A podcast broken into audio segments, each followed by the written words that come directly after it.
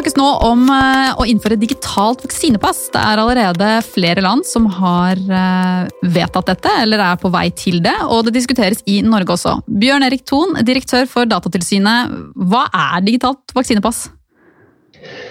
Det er jo noe som har vært diskutert ganske lenge, og vel omtrent siden pandemien kom, tror jeg. Eh, og det er jo et bevis som man skal kunne vise fram Eh, og som da forteller at enten så er du vaksinert, eller så har du hatt sykdommen, altså du er immun. Eh, og det er jo altså Tanken bak dette er jo at man da kan åpne samfunnet igjen. At de som da er vaksinert eller er immune, de kan reise, de kan gå på konserter, de kan gå på jobb. Så det er rett og slett en dokumentasjon på at du er klarert. da kan du si.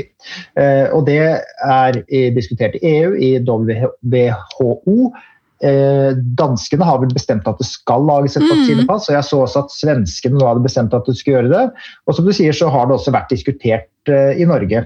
Eh, og vi hadde også dette som et tema på vår årlige personverndag den 28.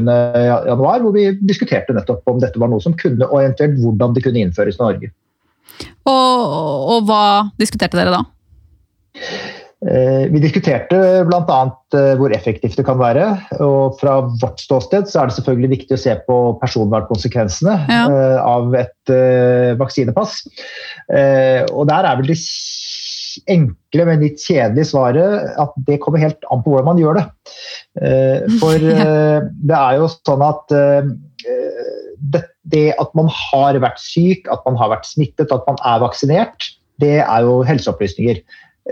Og spesielt hvis man skal lagre helseopplysninger sentralt et sted. Nå, har det ikke vært foreslått i Norge at man skal lage, lagre eller at man skal lagre sentralt hvem som har vært syke, hvem som er vaksinert.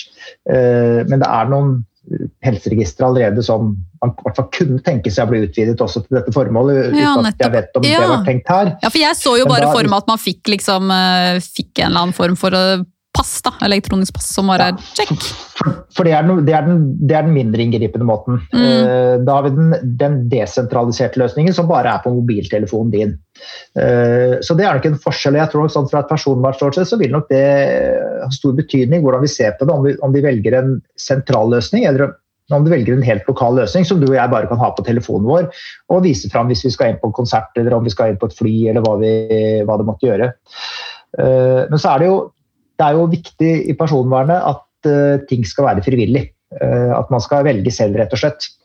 Uh, og skal det være sånn at du alltid må vise et vaksinepass og at du da er vaksinert eller at du har hatt sykdommen, nesten uansett hva du skal gjøre. hvis du går på, går på, en konsert, så kan det kanskje være greit, for du må ikke gå på en konsert. Men hvis du av ulike grunner ikke vil ha et vaksinepass, og du må vise det fram for å gå på jobben din f.eks., så kan det være mer trøblete. Eh, for da er det ikke sikkert at vi kan snakke om frivillighet på den samme måten som vi gjør på en konsert eller et restaurantbesøk, eller kanskje til og med en flytur. Eh, ja.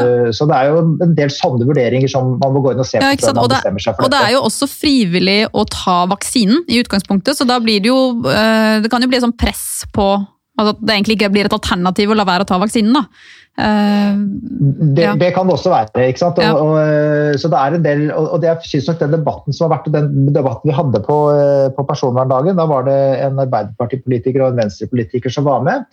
Uh, og de var uh, både nyanserte og altså, både positive, men avventende til dette, sånn som jeg tolker det. Men, og, så liksom at det kunne være bra, men det trengte ikke å, å, å bli så bra. Så det kommer egentlig helt helt an på hvordan man gjør det. altså. Eh, og om det blir et internasjonalt system. Eh, å lage et nasjonalt vaksinepass er vel kanskje ikke noe god idé. jeg vet ikke. Det er jo snakk om at man skal få dette til bl.a. fordi man skal kunne reise. Eh, NHO har jo vært veldig tilhenger av det fordi man da kan forflytte seg på tvers av landegrenser igjen. Mm. Og da må man jo ha en løsning som er anerkjent i forskjellige, i forskjellige land. da. Mm. Men, altså, men, men, har det kommet noen signaler uh, herfra om hvordan man ser det for seg, eller er dette bare fortsatt på et sånt uh, abstrakt nivå? Uh, nei, altså, Sånn som jeg har sett det, så, så, har vel departementet sagt at det er noe de vurderer. og så var jo NHO ute og fremmet et forslag om dette forrige uke. Så om det blir tatt noe politisk initiativ i Norge nå, det, det vet jeg rett og slett ikke. Men det kan jo fort skje, og spesielt når vi eh, ser at Danmark har gjort det. Danmark og Norge har jo forsøkt å være sånn relativt synkrone i, hvert fall, i tiltakene. Det har vel kanskje vært litt annerledes nå som smittespredningen har gått litt i, det har vært verre i Danmark enn det den har vært i Norge, egentlig. Ja. Men at man forsøker å Uh, og det kan jo hende at man lar seg inspirere av det som har skjedd i de andre eh, nordiske landene. Ja, ok, Så, det, så det, vi må rett og slett følge med. Det, og det du sier at dere må ta en vurdering eh, på, på, dette ut ifra hvilken løsning det eventuelt legges opp til? Ja, ja hvilken løsning. Og, og også det, siste momentet som vi nok også kommer til å legge vekt på, det er hva slags kvalitet det kommer til å bli på en løsning. Eh, og Kanskje spesielt hvis den blir sentralt, men også for så vidt hvis den blir lokalt. Fordi Er det sånn at man kan stole på dette passet? Er det sånn Liksom, for det må jo genereres opplysninger på et eller annet sted, enten lokalt ja. eller sentralt. Mm. Og ja, disse vaksinene de er vel mellom 75 og 95% effektive.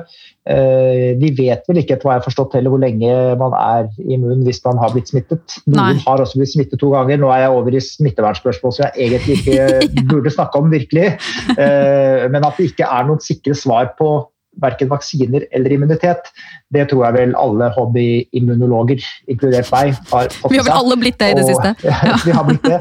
Uh, og da er vi over til det med datakvalitet, som er viktig fra et personvernståsted. At hvis man skal laste ned ting og bruke noe elektronisk, så skal det være god kvalitet på det. Og det kan det godt hende man får til, men det er også en ting som vi må trekke inn i vurderingen når vi skal uh, ta stilling til dette.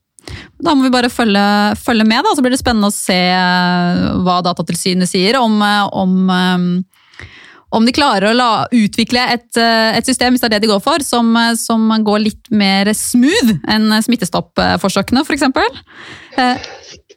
Det eh, Vi skal ikke være etterpåkloke, men vi skal lære av det som har skjedd. Så det å ta seg den tiden man trenger for å gjøre gode utredninger, og tenke gjennom alt som kan gå galt, og også hva slags reaksjoner det kan få hos folk, det tror jeg er veldig lurt. Definitivt, og også både for tilliten til instituttet, men også så, som du sier, at man får en god løsning eh, både teknologisk og sikkerhetsmessig og personvernmessig. Men eh, vi får bare følge med, og så kommer du tilbake i studio om eh, noen uker og snakker om smittestopp. Det gleder jeg meg veldig til. Og det gjør jeg gjerne. Ja, tusen takk for at du stilte opp, Jørn Erik. Takk for at jeg fikk komme. Og tusen takk til eh, deg som hører på denne bonusnutten. Eh, vi er tilbake neste uke, og nå begynner det også etter hvert å nærme seg sesongstart. Vi høres!